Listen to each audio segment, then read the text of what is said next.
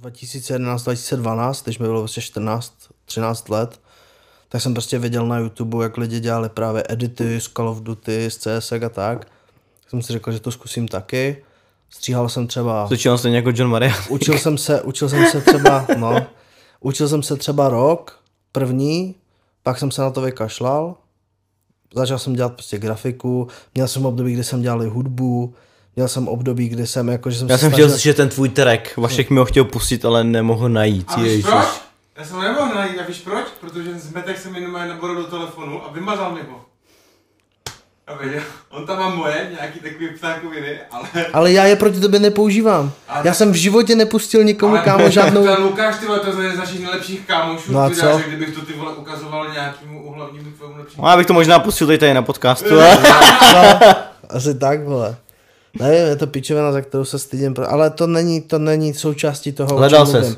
Já jsem to, kámo, byl, vole, jeden výlev, vole, špatného večera. Hmm. Co, co jsem tím myslel, je to, že jsem si, vole, jednou jsem si prostě řekl, že si koupím takový to MPCčko, Víš, ale jiný, to bylo takový prostě special, hmm. že si na tom, že to mělo prostě třeba 64 tlačítek a ty jsi to přes Ableton mohl nalinkovat, že každý hrálo nějakou hudbu Jo. a tak si na tom hrál, víš co, nějaký pičovinky. To bylo rok 2015, 2014, byl takový boom, že lidi dělali remixy, hmm. že hráli prostě Jo. různé písničky na to a tak.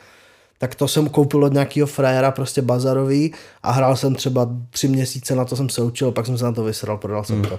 Já jsem měl takový, že jsem hodně ty věci točil, jakoby, ale právě třeba v roce 2000 o, Ty jsi ty věci, 16? věci, věci točil, než jsi začal věci točit. Přesně tak. V roce 2016-15, tak já jsem si potom uvědomil, že vlastně předchozí tři roky jsem to měl vždycky tak, že třeba půl roku jsem stříhal, pak jsem dělal třeba tři měsíce grafiku, tři měsíce tu hudbu, pak jsem tryhardil CS, chtěl jsem být nejlepší CS hráč, pak jsem vole, zase se vrátil k videu a vždycky jsem si všiml, že potom se mi tam začal dít jako pattern, že jsem se vždycky vrátil, že jediná věc, ke který jsem se vždycky jako zkusil Bylo video. vrátit zás, bylo video. Byly ty edity a tak. Tak jsem si prostě pak řekl, zkusím kameru, tohle a furt jsem prostě do toho, a pak, pak už teda jako nastal, když mi bylo 18, což bylo 2017 rok, tak tam jsem fakt jako začal do toho jet, že jsem dělal už jenom video, že jsem prostě chodil do školy, hrál jsem hry a, do, a dělal jsem video. To byly takový tři jako hlavní věci, co jsem vždycky jako dělal. A pak už prostě jsem měl bomby, no. A prostě jsem furt jako pušoval, furt, jsem, furt jsme dělali nějaký klipy, pak jsem se poznal i s Vaškem. A to byly furt nějaký klipy, aftermovíčka z klubu, všechno možný. Bylo to 2019, byl jsem v té agentuře, přicházel jsem ze social teda na, na accounta, byl jsem mega vyklepaný, protože do té doby jsem s těma klientama nemluvil. Já jsem byl vždycky jenom social, co si interně připravoval ty postplány a ty příspěvky a Posílal jsi to projekt jako, který posílal jsem to accountovi, že jo, který to prostě interpretoval a všechno. A já říkám, oh shit, tak teď se přesouvám. A až jakoby potom přesunu mi došlo, že ty já budu muset mluvit fakt s tím klientem, prostě musím jít do, já do toho korporátu a prezentovat tam nějaký ten nápad, který vymyslel ten tým. Tak a nedošlo mi, že vlastně už není za mnou jenom ta moje práce, jako u toho social, prostě já jsem zodpovědný za ty reklamy, já jsem zodpovědný za ty posty, za to, co napíšu. Ale došlo mi, že vlastně pre- reprezentuju že, celou tu agenturu. Mhm. Takže moje první prezen- prezentace vypadala tak, že jsem se ráno zbudil, úplně vyklepaný jak na maturitu. Úplně jak na maturitu. Jsem se probudil prostě o dvě hodiny dřív, budil jsem se ráno úplně nervózní, říkám, tak v prdeli prostě. Měl jsem zůstat úplně za sociálníma sítěma, měl jsem zůstat za kompem. Klasický pochyb ještě předtím, než začneš. Úplně totálně jsem se vyschýzoval sám. No, klasika úplná. Úplně totálně jsem se vyschýzoval sám. Ta prezentace byla jako ready, naštěstí, měli jsme tam jako dobrý lidi. A já říkám, super, tak teď jsem se ještě do korporátu, dress code.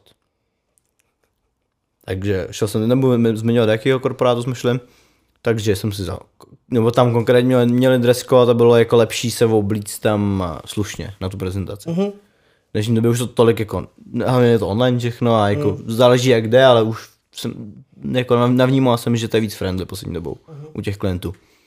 No, takže já jsem si navlík na sebe. Košily, svetřík, věci, které jsem vůbec nenosil. Já jsem, no, víš, jak já chodím oblíkaný, jako Jo, doslova jo, takhle. Jo, jo. A slušný boty, všechno, a úplně tak jako nervózně jsem tam šel. Šel jsem do práce, to jsme se jako na to připravovali, že jo, na devítku jsem přišel do práce a třeba 11 jsme měli prezentaci v korporátu, který byl Tam ty dvě hodiny úplně. A já tam úplně jsem to byl u té prezentace, úplně jsem to pročítal a úplně, úplně jsem byl v prdeli. A už jako se blížil odchod, že bychom měli jít do té agentury a já jsem tak seděl jenom a vyběžel jsem na mé agentuře na záchod a jsem se vyblil z toho stresu. Až takhle jsem se já sám sebe vyhnal. Úplně, úplně u první jako pre, klientský prezentace v reklamce. No, takže jsem se tam vyblil úplně, říkám, tak jo, nevadí, teď už, je, teď už zvládnu všechno. Prostě, to, by, jak to půjde. A to zbalil jsem se, šel jsem s account direktorem tenkrát eh, na tu, na tu prezentaci. Šli jsme tam, ještě se mě tam se mě ještě zeptali na té prezentaci, jestli já, mám, jestli já mám rád ten jejich produkt. A já jsem ho rád neměl, takže já, ještě jsem jim to řekl. že já to jako osobně ne to, ale třeba, že když vyhrajem ten tender, že to třeba zkusím. A od, odprezentovalo se to tak nějak na půl, jakože ve finále jsem, jsem to ještě, bylo to jako celkem OK. Jako vždycky samozřejmě, já jsem si ve svý hlavě vytvořil úplně o, ohromný scénář, jak je to v hajzlu, jak jsem debil. Ale odprezentovalo se to nakonec v pohodě. Ten tender se vyhrál a bylo, bylo to jako v pohodě. Ve finále. A prošel jsem si pak dalším jako pro, eh, tím procesem toho, kdy se vyhraje tender, pak jak se dělá další nacenění a tak. Když se ten tender vyhraje. Tři šampáňo, víš No, jasně, ne, jako, přišel zatleskali jsme si, jo, dobrý, super, a jedem dál. Celý podcast můžete najít na našem YouTube, Spotify nebo ostatních podcastových platformách.